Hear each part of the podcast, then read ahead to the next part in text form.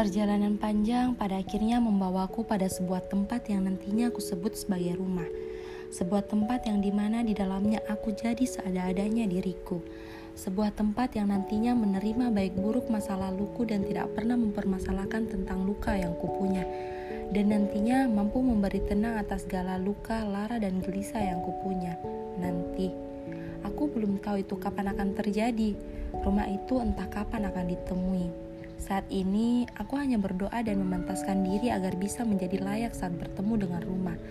Seseorang yang aku cinta, di sini aku hanyalah seseorang yang bergelimang dosa, punya banyak keluhan yang sering sekali disuarakan.